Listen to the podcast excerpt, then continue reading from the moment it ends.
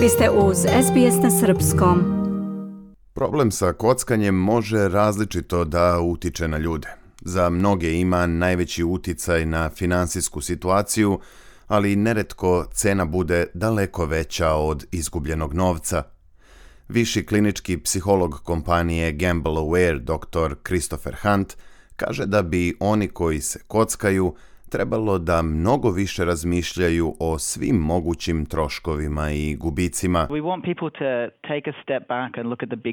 Želimo da ljudi zastanu i sagledaju širu sliku posledica kockanja i da razmisle o tome koliko ih to košta ne samo u finansijskom smislu, već i po pitanju njihovog mentalnog i fizičkog zdravlja, uticaja na njihov rad, kao i da li njihovo kockanje izaziva tenzije kod kuće. Kockanje je jedan od glavnih problema javne politike u Australiji pošto utiče i na zdravlje i na dobrobit mnogih pojedinaca i porodica. Podaci pokazuju da Australijanci svake godine na kocki gube oko 25 milijardi dolara, što predstavlja najveći gubitak po glavi stanovnika na svetu. Studija Australijskog istraživačkog centra za kockanje pokazuje da je 73% odraslih stanovnika Australije najmanje jednom u poslednjih 12 meseci potrošilo novac na kockanje, dok se 38% ljudi kockalo najmanje jednom nedeljno. Savetnica iz organizacije Gamble Aware, Alice Russell, kaže da naročito finansijski uticaj kockanja može biti ekstreman. Kocka ima ogroman uticaj na živote ljudi i može dovesti do gubitka krova nad glavom jer oni neretko daju prednost kockanju u odnosu na recimo plaćanje kirije ili komunalija. Razlike su od osobe do osobe, ali ovaj problem se često razvija sporo, tako da ljudi ne uvide odmah koliko troše na kockanje. Kako ih kocka sve više privlači, neki počinju da pozajmljuju novac kako bi platili osnovne troškove, zanemaruju plaćanje kirije ili računa i sledeća stvar koja može da im se desi je opasnost od deložacije iz sobstvene kuće ili suočavanje sa uterivačima dugova, kaže Russell. Dr. Christopher Hunt upozorava i na to da su kockari neretko u opasnosti i od daleko većih problema nego što je finansijski stres. Kockanje može imati razoran finansijski uticaj na pojedince, ali isto tako može uticati i na razne druge načine. Neki zapadnu u probleme na poslu ili na studijama jer troše sve više vremena i novca na kockanje. Takođe može da izazove probleme u porodici, a utiče i na mentalno zdravlje ljudi, jer osobe sa kockarskim problemom mogu da dožive depresiju, anksioznost i stres.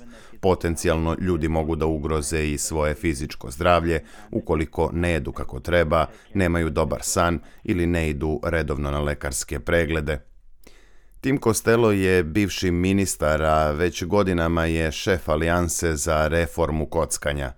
Prema njegovim rečima, Kockanje je trenutno najveći zdravstveni problem u Australiji.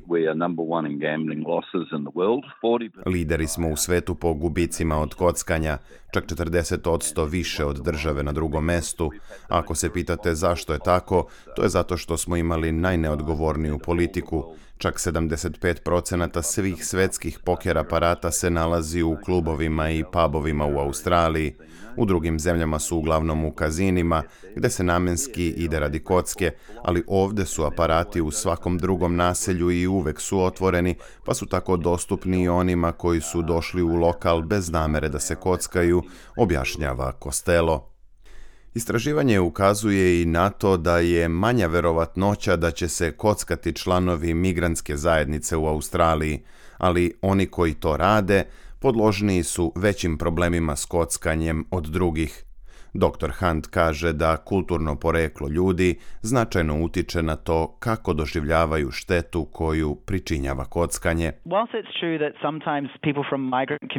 Istina je da su ljudi iz migrantskih zajednica manje uključeni u kockanje, ali često vidimo da neki koji su tek stigli u Australiju brzo postaju uključeni u to samo zato što u svojoj zemlji nisu bili izloženi kocki, ali kada dođu ovamo nisu svesni ni štete koju kockanje može da izazove, što dovodi do toga da duboko upadnu u problem i pretrpe značajnu štetu po sebe i svoju porodicu. Zato pozivamo ljude migrantskog porekla da povedu računa o kockanju, iako je potrebno da zatraže podršku i pomoć, kaže Hunt.